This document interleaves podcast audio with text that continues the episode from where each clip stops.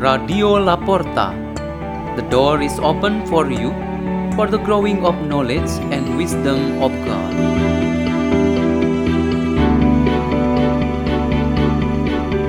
By Margareth Sembiring from St. Francis of Assisi Church, Singapore.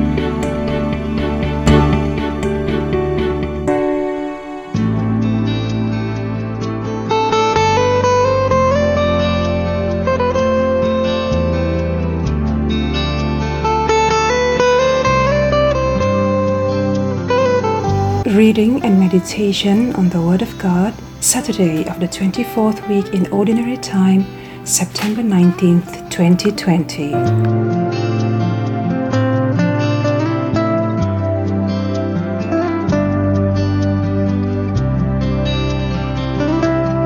The reading is taken from the Holy Gospel according to Luke. When a large crowd gathered with people from one town after another journeying to Jesus, he spoke in a parable. A sower went out to sow his seed.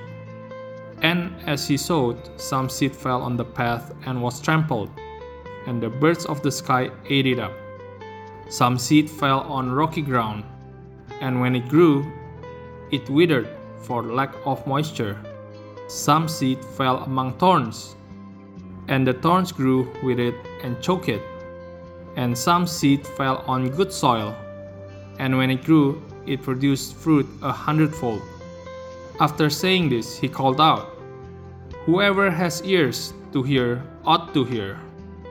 Then his disciples asked him what the meaning of this parable might be.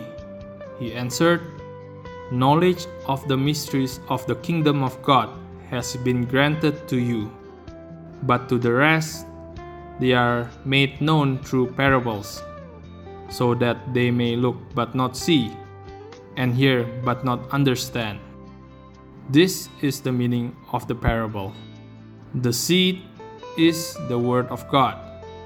Those on the path are the ones who have heard. But the devil comes and takes away the word from their hearts, that they may not believe and be saved. Those on rocky grounds are the ones who, when they hear, receive the word with joy, but they have no root. They believe only for a time and fall away in time of temptation. As for the seed that fell among thorns, they are the ones who have heard, but as they go along, they are choked by the anxieties and riches and pleasures of life, and they fail to produce mature fruit.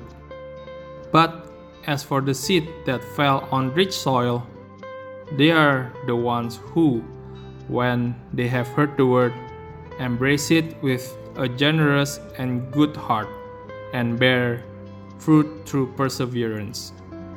The Gospel of the Lord.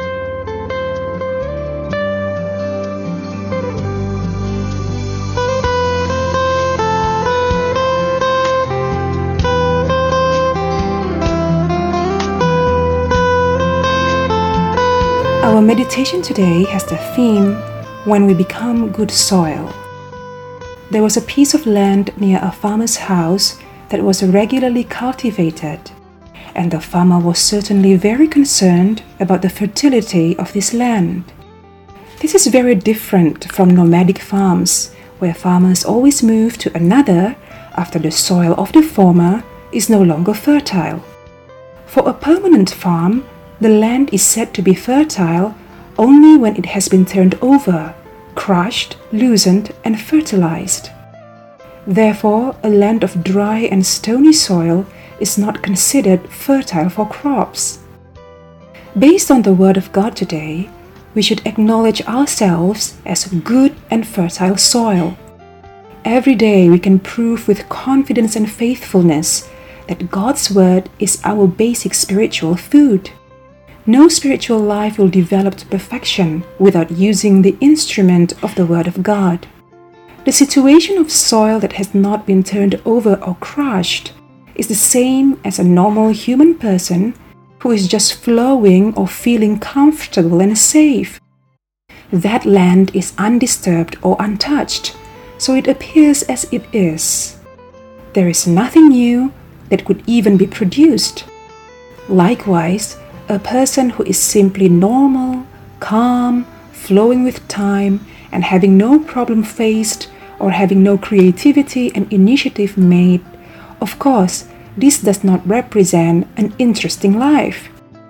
When it comes to land that has gone through a process of turning over and over until it becomes loose, this refers to people who are experiencing problems or difficulties in their lives. They are vulnerable, broken hearted, hurt, suffering, tormented, abused, neglected, marginalized. Anyone who experiences life like this is clearly a fertile or good soil where God is pleased to cultivate His words and works. Some tell their life's problems to their trusted neighbors so that they can experience some sort of relief. Some do not want to tell their own stories, so they just suffer in silence. Then others try to forget about all the problems they are facing. However, God knows to do about all these situations of ours. If we want to have an advice from today's reflection, it would go like this. If right now we are experiencing a problem which is so bothering us, let us not take it as a curse or a result of some mistakes or the cross that we must carry. Let us see it from different perspective. That is, we are the good and fertile soil, and God is pleased to plant His words and gifts within us. God wants to cultivate something special that we even don't expect. Yet, we let Him do His work. And we close this meditation with a prayer. In the name of the Father, and of the Son, and of the Holy Spirit. Amen. O Jesus our Lord, through your mercy and humility, make our hearts like your heart. May our lives every day not become in vain because of the shortcomings or sufferings we experience, but they can become good opportunities to obtain salvation from the Father.